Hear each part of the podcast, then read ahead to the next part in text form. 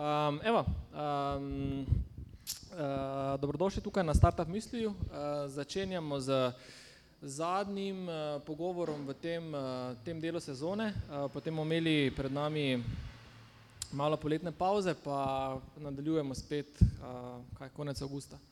Um, danes so z nami znova super trije gostje, uh, Klara, Rok uh, in pa moj soimenjak Urban. Um, tema pa uh, kar taka vroča tema zadnje časa ali pa že zadnje ne vem koliko časa, ne, a, skratka influencerji in sicer uh, influencerji o influencerjih smo že govorili, danes dopoldne na delavnici, um, današnja nekako rdeča nit pa je v bistvu kako uspešno sodelovati z influencerji. Um, zdaj pa mogoče za začetek, za eno tako uverturo, dajte uh, mogoče kratke predstavitve vseh vas, uh, predvsem iz zornega kota, za, na kak način ste vi povezani z influencerji. Uh, Urban, izvoli. Živijo, jaz sem Urban, uh, kako sem jaz povedan z influencerji, je v bistvu, sem soustanovitelj pa direktor platforme Influi. Uh, smo bazirani v bistvu v Ljubljani, se pravi, večino podjetij imamo v Sloveniji, se pravi na 80 odstotkov, influencerje imamo pa pač iz cele Evrope, zdaj okrog 5000. Um, ja, v bistvu platformo smo štartali kakšen let nazaj. Skupaj s co-founderjem sem naredila prvo verzijo, pol popustila fax, pa, pa celotila tega full time.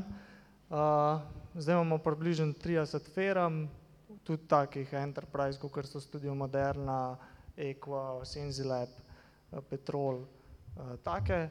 Uh, in ja, v bistvu pač um, probamo pušati to zdaj na druge markete, se pravi, začeli smo s Hrvaško, uh, pa v bistvu se lotevamo tudi Nemčije. Okay, samo da bomo vsi tako zelo jasno razumeli, um, kaj vaša platforma je in kdo jo v bistvu uporablja, komu je namenjena. Se, pr ja, se pravi, platforma uh, ima v bistvu je kot nek marketplace, se pravi, lahko si ga predstavljaš kot Airbnb, Uber, uh, Upwork, je recimo podobna stvar za, za freelancerje, se pravi, uh, ti ali pa recimo moje delo.si, bi recimo rekel, ti tam v bistvu objaviš oglas za delo, prijavi se ti folk, ki bi rad delo za tebe, uh, pri nas v bistvu ti objaviš brief svoje kampanje v aplikacijo uh, in se ti influencerji uh, prijavijo na kampanjo. Se pravi, ti recimo si, ne vem, Equa flaške, objavijo kampanjo, želimo fashion influencerke iz cele Evrope, hočemo, da delajo full dober content, mi pokažemo, ne vem, 500 tim takim influencerkam v aplikaciji in jim pač zrihtamo, ne vem, v parih urah, influencerke, ki bi jih ne vem, tam punce v marketingu iskala recimo ne cel teden. Super, hvala. Klara. Živijo, jaz sem pa Klara, a to stvari, da slišiš? Ja, ja, super. Um, jaz ustvarjam z Instagram profilom po imenu Embedvid Klara. Zdaj na ime, niti na prvi pogled, ko pač odpreš ta profil, se v bistvu ne veš točno, zakaj se gre. Ne? Je moj način ozaveščanja o mentalnem zdravju drugač je en projekt, ki sem ga začela ne, dve leti nazaj in se je v bistvu zelo parjel med mladimi. Um, tako, na kratko, na začetku sem povabila prijatelje, zdaj so pa v bistvu tujci v moji posli in delijo svoje zgodbe. Slike so bolj kot neka fasada uh, in zgodbe po tej sliki so pa pač, kaj se skriva pod fasado. Ne. V bistvu so slike, da nekako prvabijo ljudi, zgodbe pa da ostanejo. Ne. Tako da jaz sem v tem smislu povezana z Instagramom. Okay, ti sebe dojemaš kot influencerko? Zdaj ta izraz ne mene kar. Pač ne vem, zakaj ima to tako negativen prizvok. Um, je pa definitivno nek prevod, ne, da imaš ti v bistvu vpliv na ljudi, ki te spremljajo. Zdaj, v mojem primeru jaz upam, da pozitivnega, pa neko motivacijo, pa tako na ta način. Tako da v tem smislu z veseljem rečem, da imam vpliv, drugače pa to, um, zdaj kako je ta, ne, to, no, kar rečeš influencer, uh, se mi pa zdi, da danes lahko je dosti negativna stvar, ker, uh, ne vem, a, a razumeš, kaj mislim? Ja. A vi razumete, kaj mislim, zakaj, ko, ko nekdo reče, jaz sem influencer, pač to je tako, Ja, ja, zelo negativni prizvok. Zato, ker tudi se mi zdi, da na Instagramu je veliko sebine take, ko je nekvalitetna, pa pač neiskrena, ne kako bi temu rekla, no, tako na ta način. Si vpisana na Urbanovo platformo? Sem. Okay. Sem že kar ene parkrat sodelovala preko njihove platforme, je veliko lažje, kot pa sodelovati direktno s podjetjem, ker sem recimo z istim podjetjem sodelovala, preden sem bila na njihovi platformi in potem zdaj, ko sem tudi na njihovi platformi isto, smo prej mogli uh, podpisati pogodbe in tako neke sestanke imeti, ko pa je zdaj ful lažji pa ful hitrejši. Vidim, da je Klara tvoja influencerka za tvojo platformo v bistvu. Cool, cool. Uh, hvala, Rok. Nisem plačana, sem to. Uh, To je, že word, to je že word of mouth. Ja, ja, ja. Uh, Rok, To je dober produkt, če ga brezplačno reklamirajo naprej. Jaz tudi sem danes bil seznanjen z njihovim produktom, pa moram povedati, da sem navdušen. um, samo tako off, off the record. Ne? Mi, da smo imeli včeraj sestanek, ne, mi je um, zaradi v bistvu, um, uh, ene, na eno drugo temo in je Rok rekel, gledaj, jaz pa v nulo rasturam influencerje, vse poznam, ne, vse mi je jasno. Ne. Teda pol danes vem, v bistvu, da je danes poznal Influi platformo, ne, tako da toliko ne, o tvoji kredibilnosti, da lahko To govoriš res, o influencerjih. V glavnem, um, ja, kar se tiče tega, malo je resno, malo je res. V bistvu, um, jaz sem član ekipe Printi, uh, ki se direktno ne ukvarja z influencerji, ampak nekako cela ekipa vemo, za kaj se gre. Uh, sodelujemo pa že kar od začetka z njimi. Uh, imamo tudi zelo pozitivne izkušnje uh, pri sodelovanju z influencerji. Prej smo vse skupaj na roke delali, zdaj pa pač preko te platforme se veliko stvari avtomatizira, kar bo nam ful olajšalo delo, zaradi tega, ker en izmed glavnih problemov pri delu z influencerji je, da ogromno časa gre, da to vse skomuniciraš, pa pripraviš na pravi način. Tule pa so gospodje v bistvu videli, kaj so največje težave oziroma pejni tistih, ko uporabljajo to in so dobro implementirali, pa verjamem, da boste tudi v prihodnje zelo razvili. A Zdaj pa še malo o našem podjetju, da še nekaj povem. Mi pa v bistvu razvijamo aplikacijo oziroma smo razvili aplikacijo, eh, preko katere lahko uporabniki na zelo preprost način dajo slike iz svojega telefona razvid in jih naslednji dan dobite po pošti domov. Aplikaciji se reče Printi, na voljo je za iOS in Android naprave, eh, brezplačno lahko prenesete. Uh, dej, če je kdo zainteresiran, lahko pol po, uh, uh, po te, temle našem srečanju prije do mene, pa bom dal tudi brezplačno kodo za 20 fotografij, da stestira naš produkt. Uh, to kot tem. Ok, in rok v bistvu in printi je na nek način zdaj ključni, en izmed razlogov, zakaj odpiramo to temo, skratka na koncu pač ima influencer marketing, uh, oziroma je, so influencerji v neki funkciji, pač mi kot, kot uh, tema današnjega mislja je v bistvu na kak način uh, uspešno sodelovati z influencerji, predvsem iz nekih poslovnih razlogov, skratka um, um, in pač rok in printi uh, zelo s pridom ali pa dobro izkorišča um, influencerje za v bistvu marketing. Ne? Uh, in zdaj mogoče se vrnemo uh, Urban k tebi, uh, za začetek, zdaj kakšna podjetja oziroma kakšni produkti, če sploh je nek, neko pravilo, so sploh primerni za influencerski marketing ali za influencer marketing, kakšna je sploh prava beseda. Uh, ja, jaz bi rekel, da je v bistvu se, uh, se pravi, da eh, pač definitivno mora biti to za direct to consumer, se pravi, to ni za B2B, uh, pač ne moč uporabljati za prodajo podjetja in tega, razen mogoče na LinkedInu influencerji, tega mi sicer ne pač podpira, mislim, mi tega ne pokrivamo, imamo samo Instagram zaenkrat, pa planiramo še na YouTube.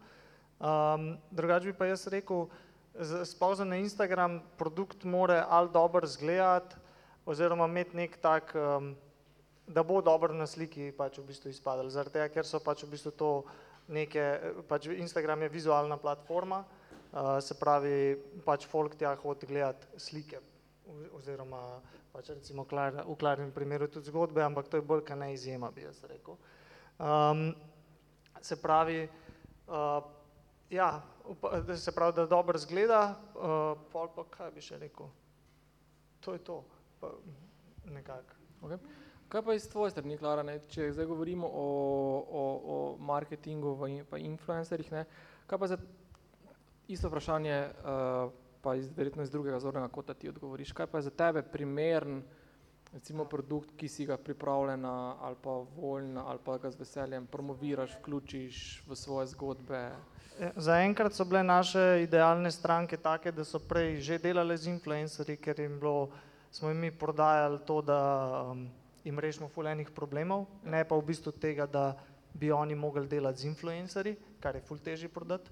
Um, pa v bistvu se pravi, da boljš, več, kar delajo z influencerji, več težav jim mi rešimo.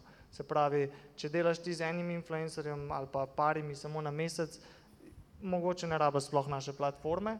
Uh, če, pa, če pa delaš več z influencerji oziroma hočeš, da je to nek tvoj resen marketing kanal, pol pa se mi zdi, da ti lahko mi tukaj ful prehranimo časa. Mi nismo sicer tukaj uh, kot agencija, se pravi, mi, ti, k, uh, mi smo v bistvu software, le. mi ti pomagamo delati kampanje boljš, ti jih pa ne mi vodimo. Se pravi, ni tako, da v bistvu ti dam daš ne pet ur in ti mi speljemo kampanjo, ti v bistvu moraš še vedno na kampanji sam delati stvari, mi pa ti omogočimo, da ne rabiš uporabljati Excela več, zato da vse trekaš, ne rabiš se prek e-maila z influencerji pogovarjati, ampak imaš pač nek chat tam, vse se ti samo shranjuje um, in ja. Okay, cool. uh, hvala. Klara, um, torej vprašanje. Kaj bi jaz promovirala? Okay. Zdaj to je tako, ne. Jaz sem, ne vem, kak, jaz mislim, da je odvisno čisto od vsakega posameznika, ki pač ustvarja s tem svojim profilom. Ne?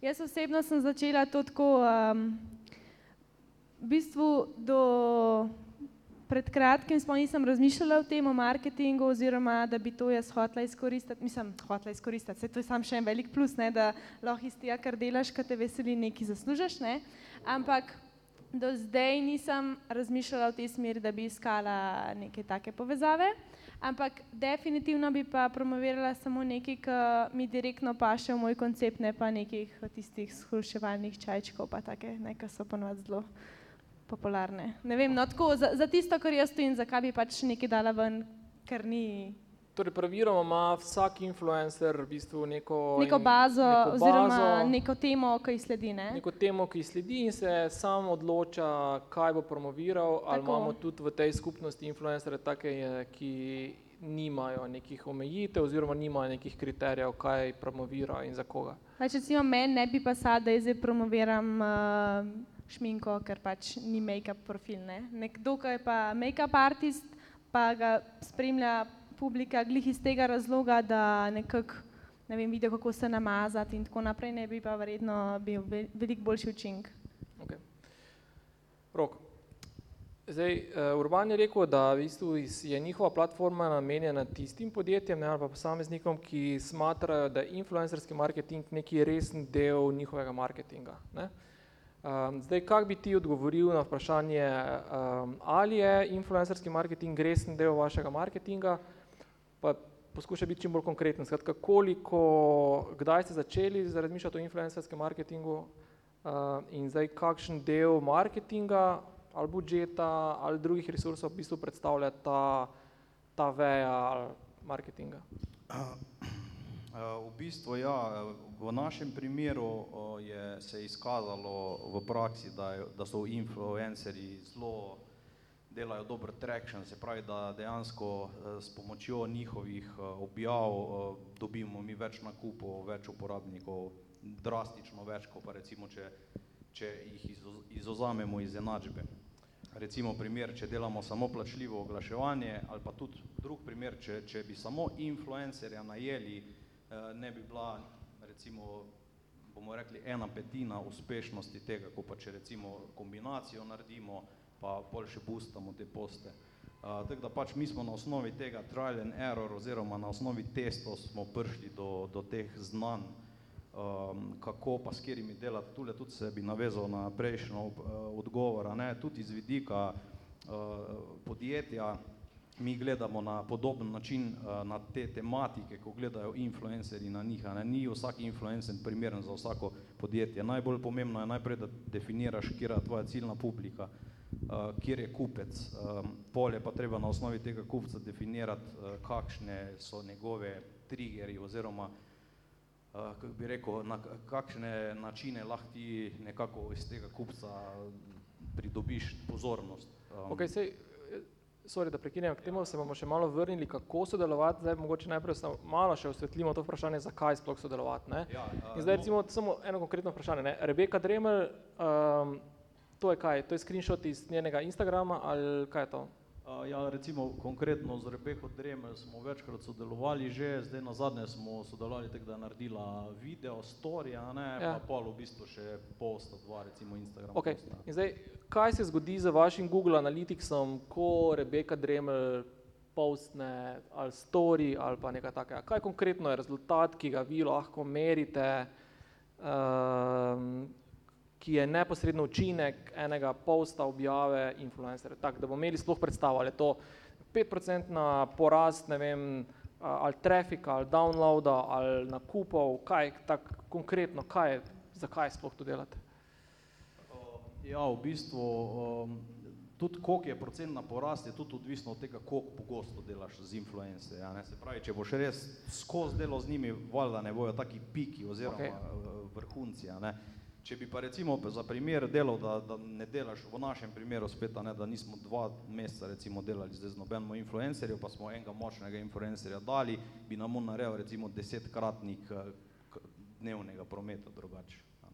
Desetkratnik. Ne. Torej dnevnih naročil, Ja, naročil. Ja. Odvisno je zdaj, kako za, eh, spet kampanjo zastavimo. En, Okej. Ene zastavljamo za downloade, ne, da želimo pridobiti čim več downloadov, druge kampanje, da eh, želimo čim več nakupov in v bistvu na osnovi teh metrik ocenjujemo, koliko je bil uspešen ali pa ne. Seveda dodamo pa tudi v takih primerih, kjer so kakšne akcije, kode, ne, um, in pol na osnovi teh kod, ko jih uh, svojimi userji šerajo oziroma z uporabniki, um, eh, lahko mi ugotovimo, koliko je dejansko bilo nakupov direkt iz njihovega uh, recimo posta ali pa kaj.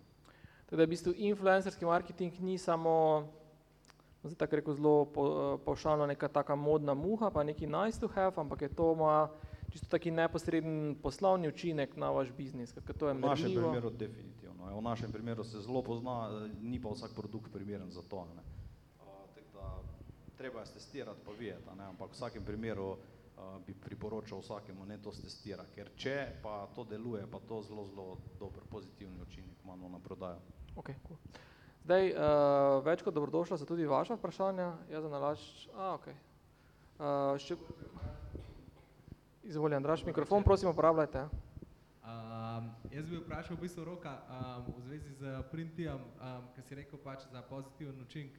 Um, imate dejansko pač uh, uspešnost uh, na roji pozitivno kratkoročno ali pač govorimo o nekem dolgoročnem ali pa ne vem, da je to del vsebine, ki jo potem večkrat ponavljate v nekih marketinških ali pač dejansko glede na strošek, ki ga influ, influencer pač, um, a ga upraviči v tistem dnevu, da tako vprašam konkretno. V naših primerih, z, ko smo sodelovali z močnimi influencerji, seveda smo najprej, uh, tak, m, vsak ne deluje, se pravi najprej moraš tisto ciljno najti, a ne pravega influencerja. Če najdeš tistega pravega, s tistimi, ko mi sodelujemo, zelo, zelo delujejo in v bistvu večkrat pokrijejo strošek njihovega najema. Ne. Uh, če recimo s prodajo delamo, če pač dolgoročno pa vedno pridobivamo tudi nove uporabnike, ker bazo da večamo, pa da se pač ta uh, kritična masa povečuje. Ne. Hvala za vprašanje, Andraš. Uh, zdaj, hočemo tudi mi malo interaktivni, uh, smo tudi malo za vaš angažma, ker pač influencerji rabijo občinstvo, ne. Uh, smo vam zastavili eno vprašanje, uh, torej kakšen vpliv ima influencerji na vaše odločitve, to je tako spletno glasovanje, greste na slido.com, tam daste ključno besedo misli in lahko glasujete uh, oziroma oddate svoj glas, toliko da malo v bistvu tudi vas angažiramo da vidimo sploh v bistvu, eh, kakšna ciljna, ciljna, skupina, eh, ciljna skupina je. Uh, skratka, moj odgovor bi bil uh, ta, ta tretji, ne, da name pač influencerji nimajo vpliva, ne, um, zanima pa me, kako je vaše mnenje oziroma kakšna ciljna skupina ste, ste tukaj. Zdaj, uh, sam, si, sam si rekel, da je pomembno, kakšnega influencerja izbereš. Ne. Zdaj, mogoče mi vidva malo pomagata, zdaj, kakšni influencerji sploh obstajajo, na kak, kakšni so kriteriji izbire, um, kak sploh v bistvu zdaj, če sem jaz podjetnik, pa ok, rečem, imam neki všečen, zanimiv produkt, vizualno zanimiv, atraktiven, zdaj, kak se sploh tega lotiti, uh, pač, uh, Ja, v bistvu se pravi, kako naša platforma pomaga, se pravi, kakšne influencerje imaš. Ena stvar, kar je pomembno, je to, iz kje dejansko so njegovi sledilci. Se pravi, ni čisto logič, uh, ni nujno, da če je nekdo slovenc, ima sledilce iz Slovenije. Uh, se pravi, to je prva stvar, ki jo moraš paziti, druga stvar je pa v bistvu se pravi kategorije, se pravi to je pa ne vem, beauty influencerke, fashion, fitness, um, kaj bi bilo še, ne vem, športniki, uh, lifestyle, zd- pač nek healthy lifestyle, travel influencerji so recimo ful popularni. Um, tako, v bistvu, ne, se pravi, moraš najti nekoga za svoj, aha, imam, imam blogerke, dad blogerji, um, tako. Zdaj, zdaj pojavlja se tudi um, rezult, uh, pojem mikroinfluencer. Zdaj, kakšna razlika, kdo je, kdo je zdaj mikroinfluencer, kdo je influencer, kdo je makroinfluencer, kaj, kaj so ti pojmi, malo nam to, jaz nimam pojma. Um, ja, načeloma pomeni pač beseda basically samo velikost, se pravi, koliko ima nekdo sledilcev, se pravi, zdaj v Sloveniji je skoraj malo težko definirati, oziroma težko, mislim, težko bi rekel, v Slo- v Sloveniji sko, so skoraj vsi mikroinfluencerji, če bi gledal glede na druge države, a ne se pravi, recimo v Nemčiji rečeš, da je nekdo mikroinfluencer, če ima ne vem, manj kot ne vem, 50 tisoč sledilcev, v Sloveniji so to skoraj vsi praktično, se pravi, v Sloveniji bi pa rekel, da je nekdo mikroinfluencer, ki ima recimo ne vem, do 20 tisoč sledilcev ali pa še manj, recimo do 15 tisoč. Um, se pravi, makroinfluencerji so pa v bistvu ne imunita večji. Um, spet v tujini je pač to dejansko lahko nekdo, ki ima pol milijona ali pa milijon sledilcev, v Sloveniji je pa ne vem, največji, uh, če, če izuzamemo Luka Dončiča, ki bi težko rekel, da je sploh še slovenski influencer, je ne vem, max 80 tisoč, kaj taze. Zdaj, ma- kako se sploh odločaš, zdaj, okay, ti zbereš zdaj, torej vidiš influencerja, pa veš približno, kaj po teh izdelkih ki jih promovira, ali je to ta prav za tebe, ali obstajajo neke, neke analize, kdo, so njihovo, kdo je njihovo občinstvo, kdo so njihovi followerji, Skratka, na kak način se odločiti, na kak ste, način ste mogoče vi odločili za pol za Rebeko Dremelj, kaj je bil tisti, mislim, V prvi fazi smo najprej se osredotočali na influencerji, ki nagovarjajo našo ciljno publiko, se pravi mamice z malimi otroki in smo iskali v bistvu v tej bazi, nismo imeli še nekih seznamov, pa ne, tako da smo dejansko šli pač raziskave delati. Okay. Uh, in pol smo pač uh, s- uh, testirali, žal, drugače nismo znali.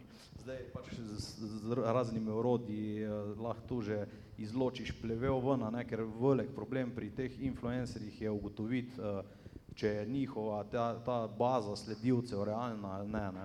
Uh, to bo sigurno Urban malo bolj podrobno še kaj o tem povedal, to njihova platforma super rešuje. Um, ampak to je največji problem, da, da, da traction dela. Ne? Tako da mi, ko smo pol definirali ciljno, smo testirali, zdaj pa s Tizmo, ko je naredil nekaj, se je mal, da nismo glih v minusu, s takimi smo pol sodelovanje ukrepili, a ne, mi smo se vedno za vsakega posta, ko smo ga najprej na začetku seveda vse prepustili njim, a ne, pa smo videli, aha, to bi bilo mogoče boljše, bi jim kakšna navodila dali in bolj počasi smo prišli do nekih, nekih osnovnih navodil, ko jih zdaj dajemo vsakmu influencerju, česa se ne drži. Um, in uh, v bistvu pol pa pač testirali smo in tisti, kjeri so super delovali, s tistim smo nadaljevali, nadaljevali sodelovanje, eh, z ostalimi pa smo pač enkrat poskusili, pa hvala lepa, nasvidenje. s kolikimi ste v bistvu stestirali, pa ste sodelovali tako skupaj? Zelo malo, ne, glede na vse druge številke, zaradi tega, ker pač s, tem smo šele začeli se resno ukvarjati, da jaz bi rekel mogoče tam 10 do 15 influencerjev, vse skupaj od tega je bilo mogoče pet močnih, to je recimo Cool Foter, um, Rebeka Dremelj, Upsika, Urška, Pavčnik, uh, Anina Kuhinja, Iris Mulej, uh, pa še neke mikro, recimo Adriana, Martina, ne vem, čuda jih je, mogo in tako naprej. Ok, ok, cool. Jaz niti ne bi rekel, da imamo 15 influencerjev v Sloveniji, ampak cool, super. Um, štima. Um, zdaj, mogoče kaj so še, uh, Klara, kaj so pa mogoče bili tvoji nasveti zdaj, ki tu imamo zdaj drugo stran, skratka imamo zdaj naročnika, ko se izbira, kaj pa ti svetovala naročniku, potencialnemu naročniku, v bistvu kaj naj vzame v obzir, ko uh, se odloča ali z nekom sodelovati ali z nekom ne. Jaz mislim, da so zelo natančna pa jasna navodila ključnega pomena, ker drugače lahko pride do nekih nesporazumov in komplikacij za čist brez veze. Tako da to je number one. Uh, pol pa definitivno to, da vsaj v mojem primeru, da imam jaz prosto pot ustvarjanja, da nisem zamejena, tako le se moraš slikati, ali pa tako fotko moraš narediti, ker recimo jaz tega ne bi hotela narediti. Da, da v bistvu te vzame zato, ker mu všeč, kakšno vsebino, vsebino kreiraš, ker pač imaš te karakteristike, ki, nje, ki jih on išče v smislu občinstva in vsega skupaj, pač, da mu ustrezaš. Drugače pač brez veze. Ne? Okay, zdaj, ni to malo tako kontradiktorno? Po eni strani bistvu ste blogerji ali vlogerji uh, um, svobodni pri ustvarjanju vsebine in v bistvu ne želite ali pa vam ni všeč, da nekdo na vas vpliva, po drugi strani pa v bistvu ne, ne da želite, skoraj zahtevate navodila v bistvu ali pa v bistvu na svete, kak naj... Kak, v smislu navodil, kaj se pričakuje od, um, ne vem, kako je viden recimo produkt, ne pa kje ga moraš posneti ali pa vem, na ta način. No? Da v bistvu vse imaš neke smernice, ti veliko pomaga, če so neke fotografije, ki so že narejene, kaj bi oni radi videli, ne mogoče lahko sam z interneta ali pa nekako tako, uh -huh. pa, pa da daš ti lahko še vse sebe noter, ker drugače pač se mi zdi zelo prisiljena reklama, če ne daš ne vem, sebe v tem smislu noter. No. Okay. Jaz bi rekel tle še, da um, če delaš z influencerjem, pač moraš mu, moraš mu približno povedati, to, kar ti že veš o svojemu produktu, se pravi, kaj tebi dobro recimo dela na Facebook adsih, zakaj, zakaj nekdo hoče kupiti tvoj produkt. In pol bo influencer veliko lažji, um, se pravi, predstavil to. Ne? Se pravi, ne, za, za eko flaško lahko rečeš, ok, lepa flaška je, ampak lahko pa rečeš še, mi uh, promoviramo, uh, ne vem, se pravi, uh, se pravi, da boljši svet na ta način, da pač se ne kupuje več plastenk in pač, če influencerka tako stvar umeni, je lahko veliko bolj močen odziv občinstva, ampak ona sama tega ne bi pogruntala, ker če ga v Equi niso pogruntali tega v prvih petih letih podjetja, pač ga tudi influencerka ne bo pogruntala, ne? zakaj bi. A, se pravi, če tako stvar, če lahko s takimi stvarmi pomagaš, s stvarmi, ki jih ti že veš, to se napiše v kampanji. Zdaj, kako bo pa influencerka dejansko naredila kontent, je pa boljš, uh, se pravi, pustiti po mojem proste roke. Okay. Oziroma zbrati tako, da ti je že všeč. A ne, se pravi, ne zbrati nekoga, ki pač ne dela slike tako pa tako, pa pa ti mu reči, ne, ne, ne, zdaj boš pa ti vse spremenil. Pač zakaj ne najdeš sam tazga, ki pač že dela tako, kot ti hočeš. Mislim, zdaj, ko tako vsi govorite, tako, ja, ful je velika izbira, pa zbereš tistega. Kol, koliko imate vi sloh slovenskih influencerjev na vaši platformi? V Sloveniji bi uh, okoli 500, vseh jih je pa okoli 1000, po mojem, ki bi jih lahko imeli. Uh mhm. -huh. Ok, super. Da, ti si še omenil navodila, uh, zdaj mogoče še tu pri teh navodilih, ki jih je že Klara začela, pa Urban nadaljeval, kaj bi še, kakšna so bila vaša navodila, ne vem, Rebeki Dremel, recimo. V bistvu gre tu bolj za tehnična navodila, jaz se tu popolnoma strinjam s Klaro, da vsebinsko se ne bi spuščali zaradi tega, ker v bistvu na tak način boš prej oziroma bo več možnosti, da boš pokvaril kontent, zaradi tega, ker influencer pozna svoj audience, svoje sledilce in eh, tudi njemu, to, je, to sem zdaj urbano ukradel besede iz njegovega uh, delavnice, ampak dejansko, ne, on pozna svoje audience in on bo jih znal pravilno nagovoriti in v to se ni fajn spuščati, ne? Uh, je pa recimo tehnično, kaj more biti, kak link more biti, če je treba kaj posebej poudariti, recimo ne vem, ali kako akcijo, ali kaj posebnega, da je kak dobrodelnost, produkt, neke, neke take bolj stvari, na kaj morajo biti pozorni, ne pa se jim spuščati vsebino. Uh, tisti, ko so profiči, tek bojo veliko boljš naredili, ko bi jim lahko karkoli svetoval. Ne? Uh -huh. Ok. Um, Imate kako vprašanje? Martin, počakaj na mikrofon. Prej ste omenjali številke.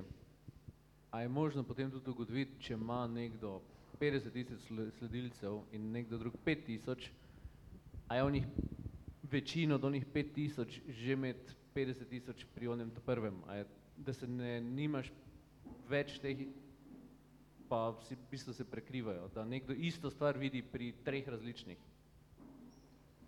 Uh, ja, mi zaenkrat tega featurja bolj, kaj ne nima, mislim, mi ga znamo pogledati, se pravi, jaz lahko v bazi pogledam, ni pa sprogramiran pač na dashboardu, da bi lahko to vsak pač naredil v treh klikih, smo pa dejansko že naredili, da smo pač povečali rič kampanje, sam bolj, kaj ne, sam z enterprise strankami, se pravi, spomnim se, da smo za Dormejo uh, ker se je pač launčala neka kampanja v, v aprilu, da pač je bilo full influencerjev, ne vem, 50 v Nemčiji in da je bilo pač, da je bilo dejansko ful smiselno neke influencerje ven vrš, zaradi tega, ker so imeli praktično isti audience, kot kar že nekdo drug.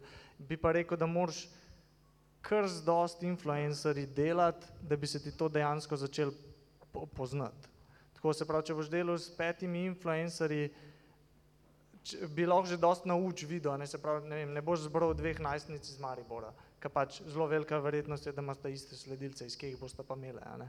Um, ampak pač, da lahko že dost nauč, vidiš, kdo bi se, komu se bi lahko prekrival, uh, pri večjih kampanjah bi ti šele pomagal software. Ampak ja, mi načeloma imamo to možnost, sam nimamo je pa prav pač tako na dashboardu, da lahko poklikaš.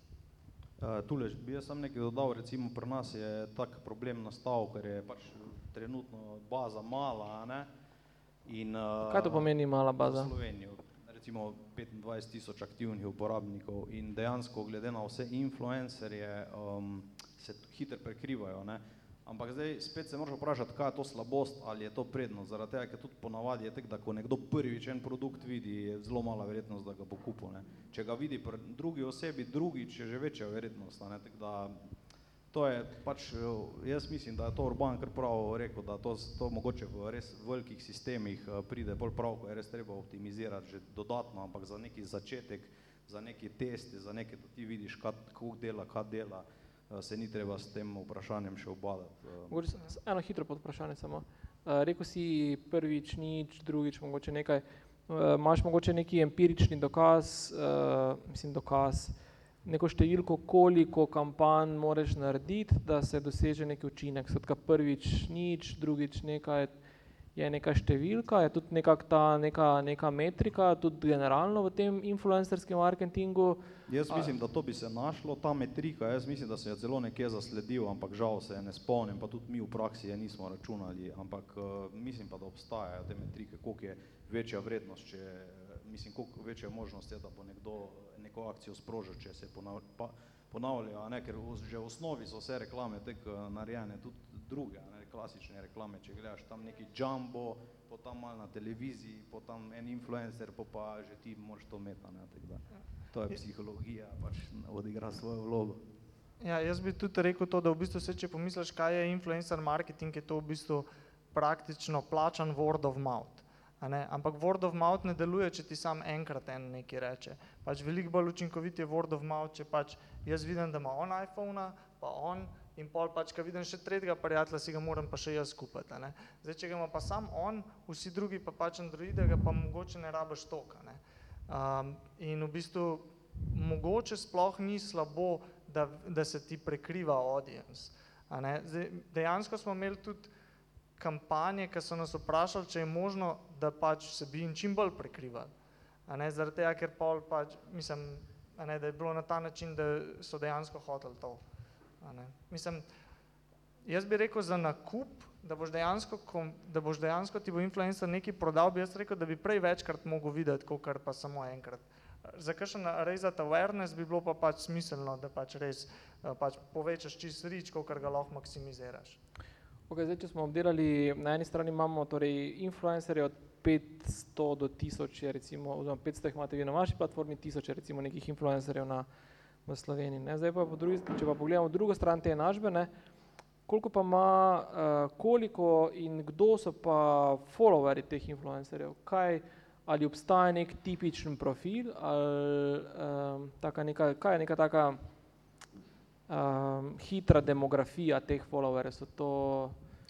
Jaz bi rekel, da praktično skoraj vsak uporabnik, mislim recimo, če si, odvisno zdaj za koga, ne, se pravi, ampak recimo na, na Instagramu je v Sloveniji približno ocena pač nekih tristo tisoč ljudi ali pa zdaj že pač malo več, ampak če ima neki, se pravi, influencer, ne vem, osemdeset tisoč sledilcev, mislim, da jih ima toliko Ana Klašnja, ne, se pravi, ta iz Slovenije ima talentov, je to praktično skoraj vsak tretji, a ne. Pa pač ona ima večino iz Slovenije, ker v bistvu itak njen cel audience je ta folk, ki gleda na Pop TV-ju to, a ne.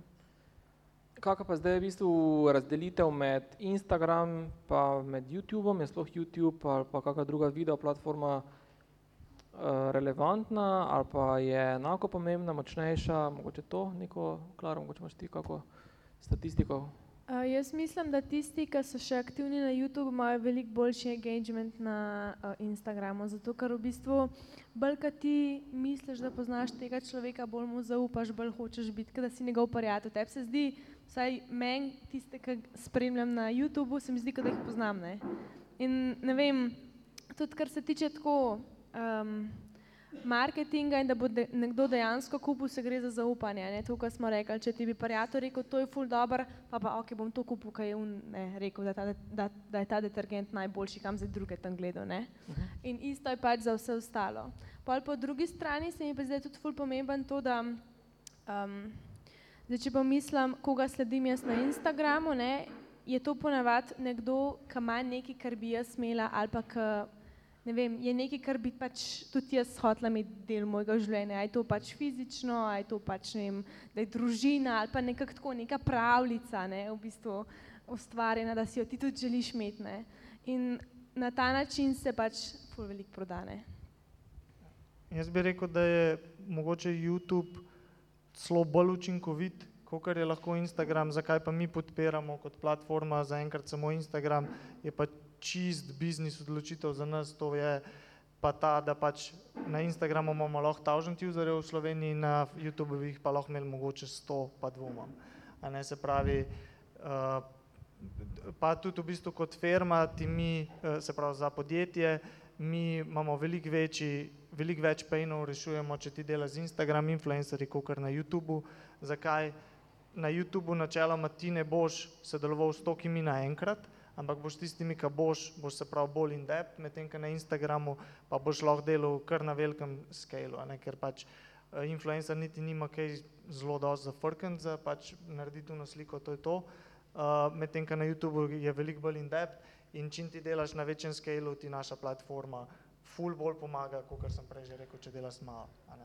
Ok, zdaj mogoče je kakšna ciljna skupina, ki je ne mogoče, ki je ni med, med, med followerji, skratka, ki je, ne vem, zdaj rekel upokojenci ali pa ne vem, je nekdo je tista ciljna skupina, ko nikakor ne moremo doseči zaradi narave medija, zaradi tehnologije, kdo je tisti, ko je pač tak off. Ja, jaz bi rekel, uh, pa starejši so zveli, se ti skoraj ne splača, ali pa so z veliko bolj, veliko težje jih je ričati. Se pravi, 40 plus bi jaz rekel, se ti ne splača delati preko influencer marketinga. Bolj mlade, kot imaš, boljše. Ne, tudi za, če, če gledaš glede cene, pač če, ti, če je tvoj target audience um, ne vem, 30 plus, imaš takih influencerjev dost malo. In kar ponavadi pomeni supply and demand, da pač tisti, ki jih je malo, pa jih kontaktira velik firm, ki velik firm želi prodajati 30 plus, lahko postavi veliko ceno. Medtem, če so tvoja ciljna publika, ne vem, najstnice, takih influencerk imaš kokar čas, se pravi, supply and demand zelo bo pocena. Um, plus, uh, ja, to je. Cool. Kako vprašanje na tej točki? Ja, zadaj. Izvolite.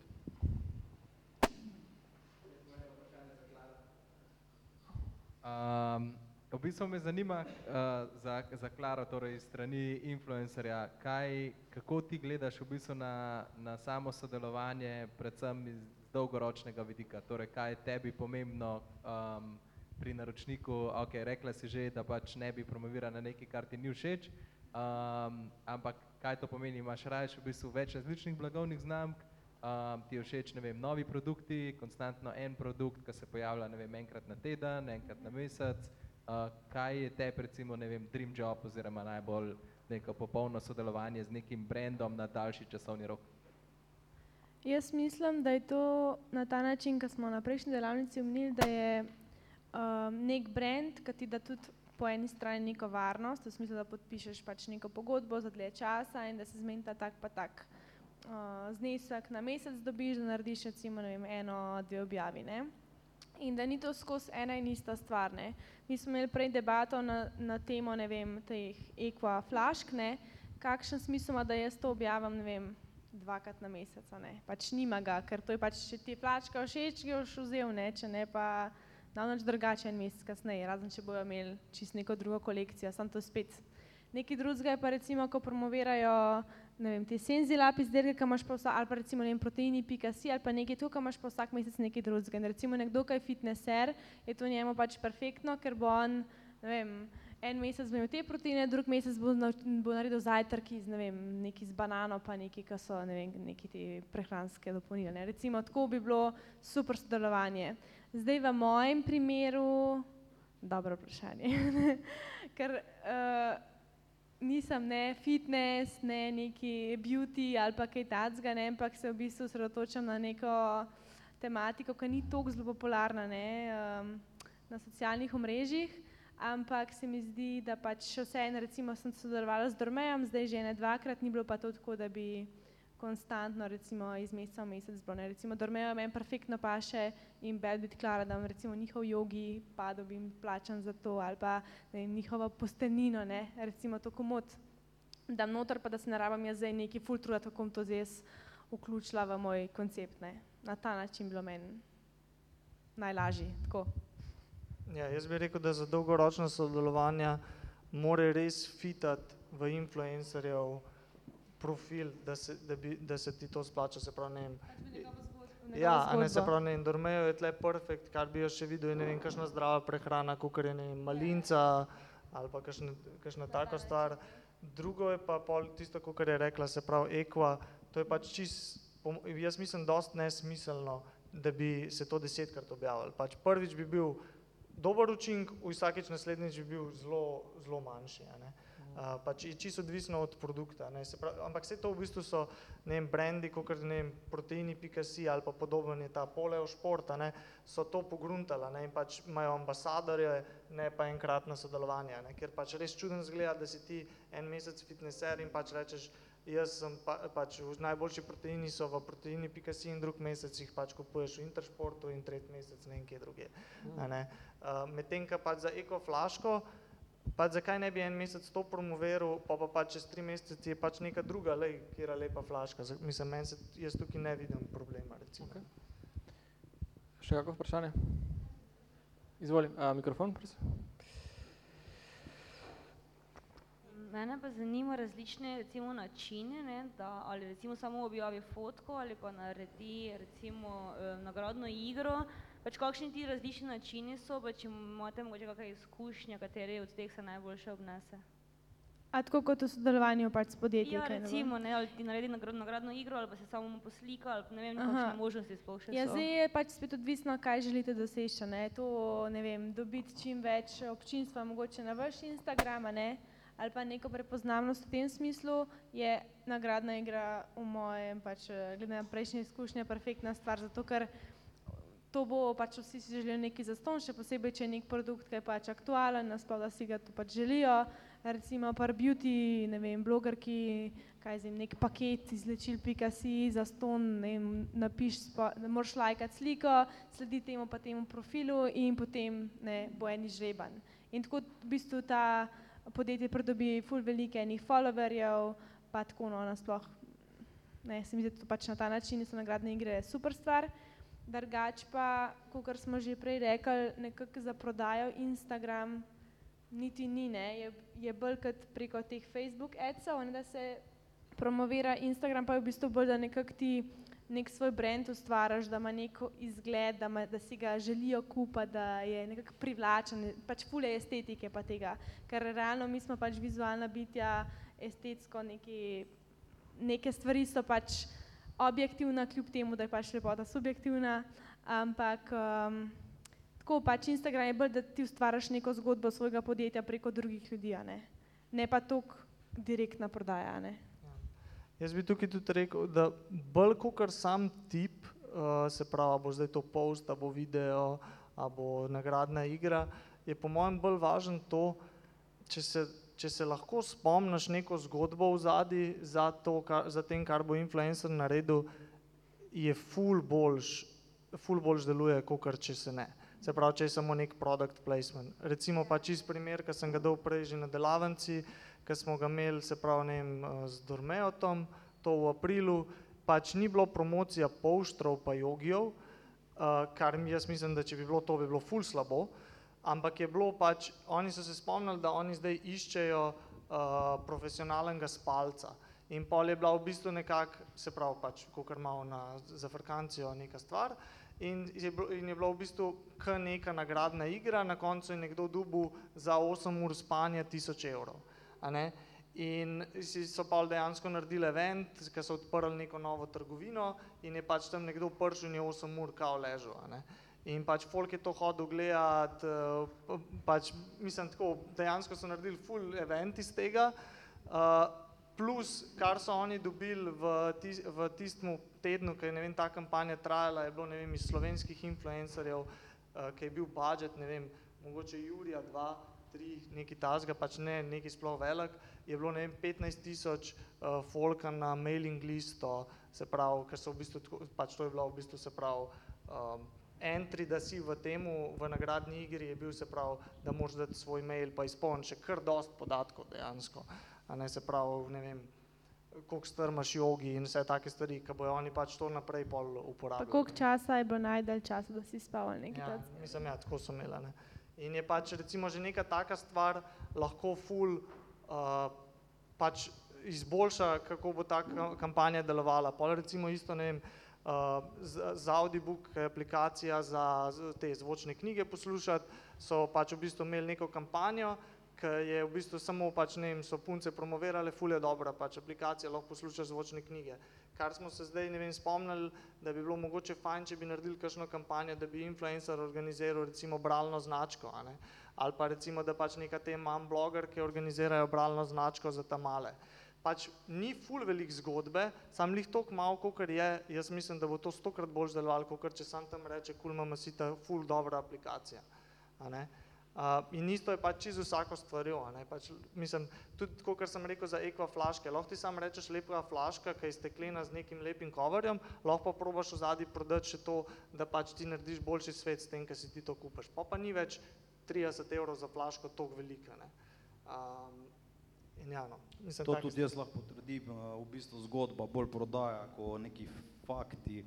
Um, tako da v, po naših izkušnjah isto, recimo primer, da neka zgodba se naplete, kak je nekdo zgubil telefon z 30 tisoč fotografijami, pa pol um, predstavi aplikacijo za razvijanje fotografij, bistveno višji efekt, kot pa da samo ono, enostavna aplikacija s tremi kliki do vaših fotografij. Uh, kar pa se tiče tega, ko ste rekli različne taktike, ne, tu bi se jaz najprej, najprej si treba postaviti cilj, kaj želite doseči s kampanjo, ne, ker so lahko različni cilji in je od tega najbolj odvisno, na kak način boste zastavili pa skomunicirali. Recimo v našem primeru sta dva različna elementa, downloadi pa nakupi, a ne, in v primeru, za primer, če bi želeli nakupe promovirati, bi rekli, ok, dajmo 30% popust na fotke, ne vem, pa brezplačno postino na 40 evrov, poleg te zgodbe na koncu, ne, da še pove, a ne, to sem pa zrihtala za moje followerje. V primeru, če bi želeli downloade, bi pa rekli, da pa promoviraj, da pač eh, z downloade app, pa share tale, tale kodo svojemu prijatelju, pa za vsak prijatelj, ko bo naredil nakup, dobiš ti 5 evrov recimo. In na ta način pač sprožiš večji efekt eh, tega downloada. Ne. Tako da prvi se treba cilj zastaviti, pol pa naštudirati najboljši efekt, pa zraven, če je le možno upoštevati ta neki čustven element, no. še posebej pri naši ciljni publiki se to pač zelo, zelo dobro obnese. No. Mogoče samo še tako za, za občutek, no, ko smo zdaj že pri teh kampanjah, kak, kakav v osnovi so sploh vrste influencer kampanj, koliko trajajo, koliko stanejo, kaj so neki ključni parametri kampanje. Mogoče roke. Ja, zdaj iz naših izkušenj pač mi najbolj, zdaj smo se na ta dva segmenta, prvi je bil segment raz, eh, prepoznavnost, to smo čisto na začetku delali, pa smo se pa kar hitro preusmerili pač na to downloadi pa, pa nakupi. Um, težko, mogoče bo Urban to znal bolj. Okay, da, samo malo pod vprašanje. Koliko si najmanj, pa koliko si največ plačal za influencer kampanjo? Sloveniji smo največ plačali tisoč evrov, oziroma probamo se vedno zmeniti, da se neki, neki del skompenziramo za produkte zraven, če je le možno. Ne. Um, tako da tisoč evrov recimo je bil Najmanj, najvišji. najmanj pa? Uh, je pa za produkt, za, Ok. okay. za recimo za fotoknjigo, pač fotoknjiga v vrednosti 50 evrov recimo. Okay. Um, trajanje kampanje največ, najmanj? Navadi en teden, mi jih planiramo nekje en teden s tem, da recimo pri teh influencerjih, ko so močni, pri glavnih, tako naredimo, da njihova kampanja traja en teden, pa še pa mi, mi v bistvu z njihovimi materijali naslednji teden podaljšamo kampanjo. Ne. Okay. Koliko je v tej kampanji recimo objav, poprečno število objav?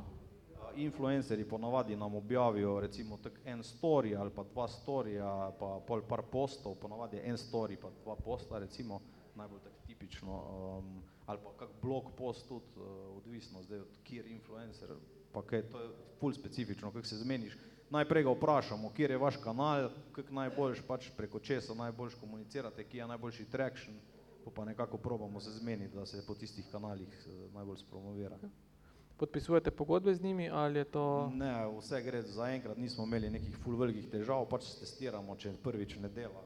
Ne, ne dela, hvala Bogu, pri nas je tako, da smo zaenkrat s temi velikimi, ko smo sodelovali, se še nikdar nismo preveč opekli, tako da ni bilo neke ful panike. Mogoče samo še to vprašanje. Um, ali so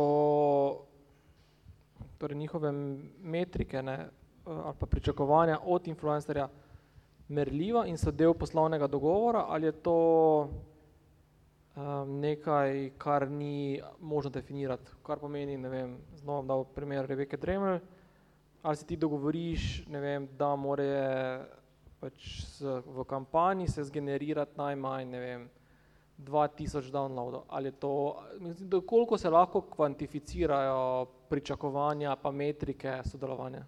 Najbolj pomembno je tu poudariti, da, tudi, eh, v, da pač Facebook skozi algoritme spreminja in če si, ti, če si recimo ti bil influencer pred petimi leti, pa si imel 10 tisoč followerjev, pa si naredil post, je velika večina tvojih followerjev ta post videla. Če danes ti narediš post, ga vidi zelo malo, mali procent. Zaradi tega je treba vse poste boostati, se pravi plačljivo še naprej oglaševati in zaradi tega se je pomembno, da se z influencerjem dogovoriš, da v bistvu skupaj uh, naredita, to se preko Facebooka da narediti uh, kot skupna kampanja, kjer on objavi, ti pa pol boostaš njegov post in v, naši, v našem primeru se je to izkazalo za najbolj efektivno. Nismo se pa nikdar z nobenim pogovarjali, da bi nam karkoli mi dajali pogoje influencerjev ali pa karkoli drugega, razen tega, da pač ne se potrudijo, ne naredijo tako, kako sami znajo najboljše, mi smo jim pol na osnovi tistih prvih uh, prvih negativnih izkušenj, par navodil malih dali, glede linkov, ki morajo biti postavljeni, kako izpostavljeni, kako se nagovarja, recimo naš trademark, pa tako naprej, mislim, malenkosti. Večinoma smo prepustili njim, tist, da so glavno vsebino pripravili. Okay. Maja, maja, ma, ma vsaka kampanja tak dva dela, ena je testna, druga je neka resna, ali, je, ali to ni neki običaj? Pri nas ne, pri nas je pač kar vsaka zares, tako da. Okay. Cool. Jaz bi tle še rekel, uh, se pravi, da delaš affiliate, se pravi z influencerji, se pravi, da je influencer plačan od prodaje, se sploh za prvo sodelovanje se meni to ne zdi fair do influencerja. Zakaj? Imeli smo pro, primere, se pravi, zelo podobnih produktov, se pravi, v bistvu praktično istih produktov, recimo se pravi spletna stran Vigoshop ali pa Kupi hitro, uh, ker so pač uh, neki izdelki pač iz Kitajske, ki se jih tle prodaja. Um, in so bile pač praktično zelo podobni influencerji, zelo podobne kampanje, pa so bile na recimo na enem izmed teh dveh krat pet konverzije, kot na drugi. Pa ne zaradi tega, ker so bili na drugi petkrat slabši influencerji, ampak zaradi tega, ker so na eni izmed teh dveh spletnih strani majstri, pa znajo zrihtati konverzijo na spletni strani. In meni se za influencerja ne zdi fair, da je on petkrat manj plačan, če imaš ti slabo zoptimizirano spletno stran. Tako da tukaj bi bilo pač lahko k večjemu, da pač narediš pač prvo, drugo sodelovanje, uh, se pravi, um, plačano, potem pa se pravi vnaprej, toliko se zmeniš, toliko je moja cena, zdaj influencer pove, pa potem ti s influencerju skomuniciraš, le zdaj sem prodal 100 izdelkov ali pa ne vem, kolikor si že, uh, rečeš, ful je bilo dobro, jaz želim, da se ti vsakeč naslednjič toliko ti tudi potrudiš in boš dobil pač recimo toliko plačan. A ne se pravi, pač greš na affiliate. Oziroma lahko na nek način si itak zaračunaš, pač se pravi, kol- se pravi, zakaj bi v bistvu sploh hotel affiliate, se če si ti prvič videl, uh, koliko je bilo prodaj, a ne se pravi, recimo, da si prodal 50 izdelkov, pripravljen si mu plačati, ne vem, 2 evra na izdelek, uh, zakaj, bi, zakaj ne bi naslednjič sam rekel, le jaz sem ti pripravljen plačati 100 evrov, a ne? Pač, če bo pol naslednjič on slabo naredil, pač ok, boš pač zgubil unih 100 evrov, ampak pol pač vsaj ne boš več delal z njim. Okay, mogoče obstaja neki taki priporočen cenik, uh, vem, gospodarska zbornica Slovenije ima cenik, priporočen cenik za vse storitve, ne? Uh, obstaja neki priporočen cenik za influencerski marketing? Uh, ja, mislim, imamo pač neke odskverne cene, pa zdaj zaenkrat bomo verjetno to naredili kot nek del platforme, da bi bil dejansko feature, ki bi ti pokazal, to je dober del, to ni dober del, uh, ampak drugače, ja, ne vem, do 10 tisoč sledilcev je približen tam ali za 100 produkt ali 50 evrov, ki je približen tazga, to so cene za Slovenijo. Uh, pol, ne vem, od 10 tisoč do 20 tisoč je približen 100, do 150 evrov, do 30 tisoč. Čakaj, uh, to zdaj ne razumem te cene. Uh, 150 evrov je kaj? Torej, Objava približno, oziroma neko sodelovanje. Pač. aha, okej. Recimo objava, pa ne vem, še kakšen story zraven. Pač se pač varirajo na različne influencerje, ampak recimo nek average, če bi zdaj pogledal, ne vem, tažen sodelovanj, ki so se pri nas, ne vem, zgodile v Sloveniji, bi pač rekel, to je to. Okay. Uh, pol, ne vem, do 30 tisoč sledilcev, ne vem, 300 evrov približen cene, od 30 tisoč sledilcev jih ima pa toliko malo v Sloveniji, um, da pač je težko nekaj average reči. So pol tudi tukaj že agenti zraven, pa je pol hiter cena, ne vem, Jurija pa pol, uh, ampak tako. Klara? Drugač pa, ja, drugač pa v bistvu v tujini, Nemčija so cene krat dva, krat tri, Švedska so, mislim, ne skoraj krat deset bi lahko rekel, uh, Amerika pa še v bistvu še višji. Prihajajo tudi te cene tle pri nas, definitivno pač imamo mi na platformi influencerke, ki so septembra delale za 50 evrov, pa zdaj delajo za 250 evrov, pa se še vedno splača tem firmam delati z njimi. Um, tako da ja, kasneje, ko se lotiš tega, manj boš izkoristil. Pač, še vedno je pa to dosti poceni, kot Facebook 5-6 let nazaj. Klara? So to, so to cene, o katerih tudi pač je to rang cen, ki se ga tudi ti poslužuješ. Eno vprašanje, pa drugo vprašanje, ali se da od tega živeti, oziroma ali ti konkretno živiš od uh, Ne, jaz sem redno zaposlena drugač, delam, to je pa pač tako za zraven. Um, jaz osebno ne živim od tega, bi se pa dal, če bi pač dejansko to delala, ne, tako, da bi se s tem ful ukvarjala, pa da bi bilo toliko do tega, da bi nekako tudi jaz verjetno se posvetila temu, da čim bolj zrasteš, da imaš čim več engagementa pa vsega tega, samo to je pač, kar se sliši simpel, je ful velik dela. pač neko vsebino, da je skozi zanimiva, da je, ne vem, da te ljudje radi spremljajo, da, radi na, da te radi gledajo, pač ni toliko lahko, kar se pač sliši. Ampak jaz se poslu, ja, približno nekaj takega, ti sem spet koliko postov, koliko storijev in vsega tega. Ampak v povprečju recimo za eno objavo pa recimo dva storija, kaj tacga ali pa tri storije, ka za storije pač veliko lažje, kot pa nekaj imaš ti 24 ur gor in to je to, ne. Kot pa za objavo ene tam okoli 100 evrov, kaj tacga. Okej. Spet odvisno je pač. Recimo nekaj drugega je, če, kako je bilo za, jaz sem bila pri tej kampanji, ko je imel Dormejo, ne, in recimo pri tej kampanji meni ni bilo treba nobene vsebine kreirati, ne. Ker je bilo, mogla sem narediti tri objave, ker so mi oni že točno te linke in točno ob tej uri bo treba objaviti, točno te storije in pa si si samo zlovdo in samo objavil. Jaz nisem imela v bistvu s tem nič dela, dobila sem pa full hour plača, ne. Ampak to zato, ker je recimo Dormeja tako hotel, oni so imeli toliko ne vem, tega budžeta, sodelovali smo že prej in so vedeli, da je pač kakšen je recimo odziv iz moje strani. Um, pol nekaj drugega je pa, če sem jaz naredila, ne vem, cel fotoshooting za njih, pa nekak, ne, na ta način. Okej. Tako. Še kako vprašanje? Okay, hitro vas še eno. Um, kaj so neke take, ne vem, dobre, slabe, oziroma ne, sem se spomnil, kaj sem hotel vprašati.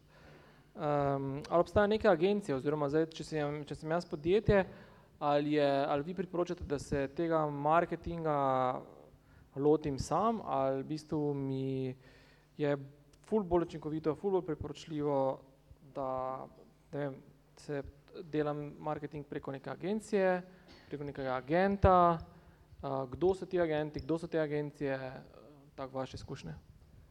Uh, ja, pač agencije obstajajo, ki delajo z influencerji, se pravi, recimo od naših, ki uporabljajo, so se pravi, ne vem, AdStar, Futura, Luna, uh, aha, pa BPCS, to je to, uh, nekako, ampak, ja, mislim, zdaj, jaz bi rekel tako, odvisno, koliko želiš se iti resno z influencerji, se pravi, če si misliš iti zelo resno, imej to in-house, če bi, če bi rad naredil sam, pač ne, in takrat, ko imaš nov produkt, launch, se mogoče čisto splača delati prek agencij, ker pač preden se naučiš, uh, je bolj splačati nek večji fi agenciji, pa pač ti naredijo tisto, pa se ne zafrkavaš s tem tok. Um, oni ti ponavadi ti bojo naredili, verjetno tudi se bojo probali spomniti neko zgodbo. Zatem, spet, je pa spet odvisno, pač kakšno agencijo, se pravi, v bistvu spet, jaz bi rekel, ful odvisno, kaj hočeš spet doseči s tem. Se pravi, ne vem, AdStar agencija je dejansko pač neka prodajna agencija, medtem, ko imaš pač Luna Futura, je bolj, ka ne, pač čista kreativa, ne, se, se pravi, da se spomni neka zgodba, sam pač ni pol uh, tok. Um, Prodajno Ja. usmerjeno. Ja, Okay. Um, rok.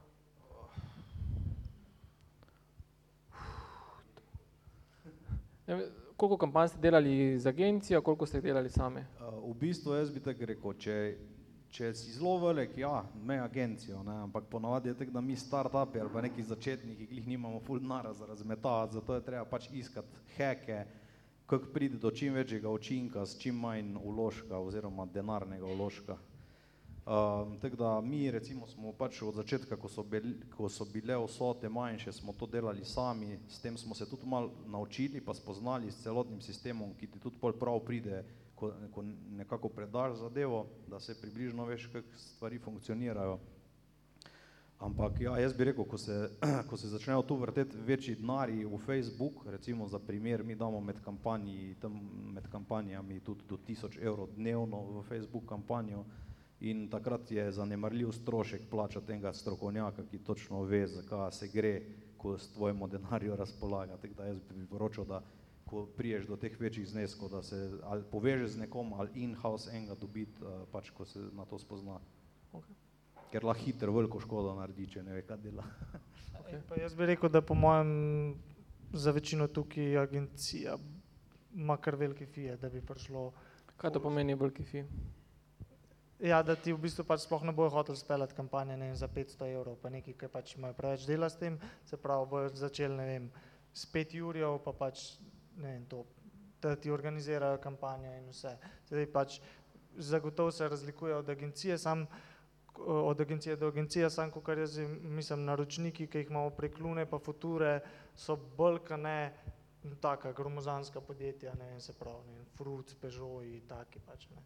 Se pravi, za neka mala podjetja pa večinoma imajo sami, da pač to dela nekdo, um, ki je skrbi še za Facebook oglase ali pa za social media, ki ponavadi je v bistvu to bolj, ka ne gre z roko v roki, bi jaz rekel. Se pravi, samo, influ, samo z influencerji delati je dosti nesmiselno, uh, samo s Facebook je smiselno, ampak je lahko veliko boljši, če imaš, se pravi, influencerje zraven vključene, uh, tudi kot content. Se pravi, na Facebooku oglasih je recimo največji problem to, da če si ti pač velik spender v oglase, rabaš ti veliko kreativ imeti. Zdaj, kar pomeni, da ti lahko organiziraš vsak teden fotoshooting ali pa pač imaš influencerje, ki pač ti delajo Ne se pravi, recimo stranka pri nas Vigoshop je bolj ka ne uporabljajo influencerje samo za pipeline contenta. Se pravi, njihov spend je, ne vem, milijon na mesec v, v Facebooku glase, kar pomeni, da če ti hočeš pač oglaševati, z eno kreativo bo to videl vsak stokrat. A ne, se pravi, kar ti rabiš narediti je 15-20 kreativ. Lahko pač imaš fotoshootinge, lahko imaš pa ne vem, 30 influencerjev, ki ti pač pošiljajo slike in to pol marketinški oddelek uporablja za content na Facebooku glasih. Tukaj smo mi videli največji um, odziv. Pač da to, taka sodelovanja so bila najboljša. Ne, se pravi, da so bili, da, da največ ti pri, uh, največ, največji učinek je, če uporabljaš kontent od influencerja na Facebooku glasih. In tukaj, smo me, tukaj je pač sploh ni eh, debate bilo do zdaj, a se to splača delati ali ne. Thanks. To si že tudi v bistvu tvoja izkušnja, ne? Cool. influencer to dodatno zaračuna ali, ali ne? Kaj da? Če to influencer dodatno zaračuna, A v smislu, če je tvoj kontent uporabi še na drugem mediju. Aj ne. Okej. Mislim, jaz ne, no, ne vem. Se glih to je itak ne. Eni imajo v pogodbah, da ne smeš oziroma moraš dodatno plačati, če hočeš eh, uporabljati njihov kontent. Ja. No, jaz ne kompliciram. tako da- Fajn je, da se take stvari na začetku zmeniš, kaj pa kaj lahko delaš pol s tem kontentom. Ja. To, pač, zanima me, kako je daleč ta industrija že profesionalizirana. Uh, mogoče samo še uh, kako vprašanje za na konec? Ena, ena, tri, hitro. Jaz lahko mogoče sam še dodam, zato ker uh, smo bili mi tudi precej zvesti uporabniki Influija oziroma smo še vedno. Um, pa glede tega uh, sodelovanja z agencijo ali pa sodelovanja uh, sam, um, mi smo recimo z agencijo, delamo takrat, ko pač imamo ve nek večji koleb uh, v stilu budžeta, tam 1500 evrov plus, um, kar se tiče pa nekih manjših uh, sodelovanj ali pa nekih testiranj ali pa začetek, koliko smo s Klara tudi delali, uh, ja, uh, čokolada. Um, tako da nekih manjše zadeve ali pa um, neke teste, um, to smo pa podelali sami. Tako da mogoče pač na svet za vse ostale, ko začenjate, pač začneš sam um, neke, neke večje kampanje, pa pol podelaš z agencijo. Tako da, um, Cool. Mogoče še samo zaključek. Ta čas, ko bo Nina razdelila feedback vprašalnike, vaš feedback nam zelo dosti pomeni, tako da hvala, za, da boste ga izpolnili.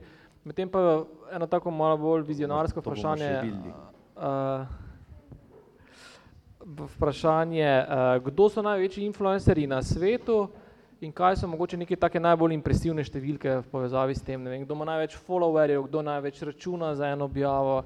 Ne vem, obstaja neki taki trač, trač Največ številke. followerjev na Instagramu ima Cristiano Ronaldo. Kdo? Cristiano Ronaldo?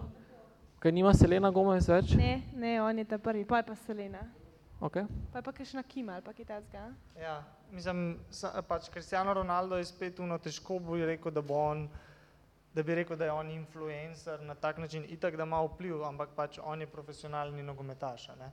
Kdo bi pa rekel, da je pač res prav influencer, bi pa jaz rekel, da je pol ta prva, ne vem, Kim Kardashian, ki je praktično njen, oziroma je kakšna iz teh Kardashian family, ki je praktično njen job to, da je influencer. Ne? Tudi Selena Gomez in taki, pač njen del revenueja oziroma tega, koliko zasluži, je verjetno minimalen v primerjavi s tem, koliko zasluži s kontre, uh, ja, pa tudi v bistvu, koliko zasluži ona s koncerti, albumi, vsem tem. Okay, pa zdaj, če še- ostajamo malo pri teh, ne vem, top 5, top 3, whatever. Uh, kol, koliko so tu recimo neke cene, ne vem, koliko Selena ali pa Kim Ja, v bistvu računa za en, Za Kim Kardashian je bilo lani enkrat, da se je govorilo, da je milijon, euro, milijon dolarjev na post. Okay. Dobro. Tule še ena zanimivost, ko jo lahko jaz povem. Ne. Z Mico Melanškom smo se zadnjič pogovarjali, ne vem, če poznate ta primer, ko so mali junaki, oni imajo knjigice za otroke ne, in so, oni so po defaultu so rekli, mi bomo 100, 100 knjig na mesec printali in jim bomo za stojn pošiljali stotimi influencerjem. In kaj se jim je zgodilo, eno izmed njih so poslali Chloe Kardashian, ne, in ona je dejansko to knjigo dobila in je tudi postnila na Instagramu post for free, ne. Ampak mali onaki so rekli, da v Sloveniji jim je to noro prodajo povečalo, v Ameriki je bil pa sam takle mali klukca, ne. ni bilo nekega full efekta, tako da tudi tam je treba zelo paziti, ne, kam v katnar, da je res efektivno, ne, ker lahko hiter, pri takih velikih vsotah lahko hiter, kaj tudi gre na robe. Ne. Je pa tle itek spet supply in demand, ne, se pravi, ona je ena oziroma je pet takih, v Ameriki imaš pa pač ne vem, zelo veliko podjetij, kot so Ford in podobni, ki pač imajo neomejene budžete in lahko z, njimi sodel, z njo sodelujejo. Zato pač je njen post toliko vreden, ne, ker pač lahko reče kakorkoli za ceno, pa pač bojo plačali. Okay, verjetno ni brez učinka. Ne? Ja, bi pa jaz rekel, da če imaš milijon za dati, je veliko boljših načinov, kako jih spendati. Se pravi, če bi ti lahko delal uh, z manjšimi influencerji, se pravi, da, da imaš pač, da se ti da, ne vem, zaposliti ekipo, uh, ki bo delala influencer marketing, uh, boš lahko veliko več dubu, če boš imel milijon budžeta. na mesec. Je pa drugače to, kar je, je, si rekel za male junake, da so pošiljali te knjige, v bistvu je čist nekako tako Daniel Wellington začel, ker so v bistvu po mojem največji, oziroma ena izmed največjih zgodbi, zgodb influencer marketinga, da so pač samo naredili full ur, jih poslali pač vsem možnim fashion blogerkam po celi Evropi, pa so pa eni plačali, da je objavila. Pač neki full veliki, ki so vse sledile in pa so še vse druge objavile za ston in so pač dobili, ne vem, v parih mesecih tako prepoznavnost, da so v bistvu naredili v parih mesecih brand, ki je bil enako vreden brandom, kot so ne vem, Armani in takim praktično iz nič. Uh, pa tudi ne toliko veliko vloženega budžeta. In je tudi v bistvu zdaj, kaj? Ja, in je tudi v bistvu to njihov zdaj en izmed glavnih marketinških kanalov. Okay. Mogoče to ne, zdaj, ko si omenil ta neki trik, eh, je kakšna spletna stran, je kakšen influencer, je kakšna agencija, ki jo je tako zelo vredno spremljati, vkolikor eh, podjetniki resno razmišljajo o tem, da bi se influencer marketinga lotili, skratka, kje so na sveti, uh, uh, primeri kampanj, je to, obstaja nek sajt ali je to pač tako zelo razpršeno?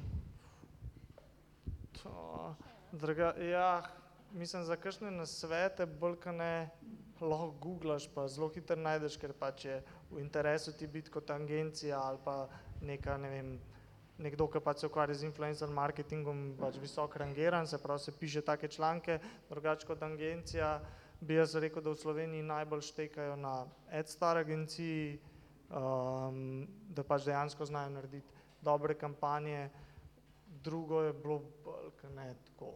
Okay. Cool. Um, hvala, super za gosti, en velik aplaus, prosim.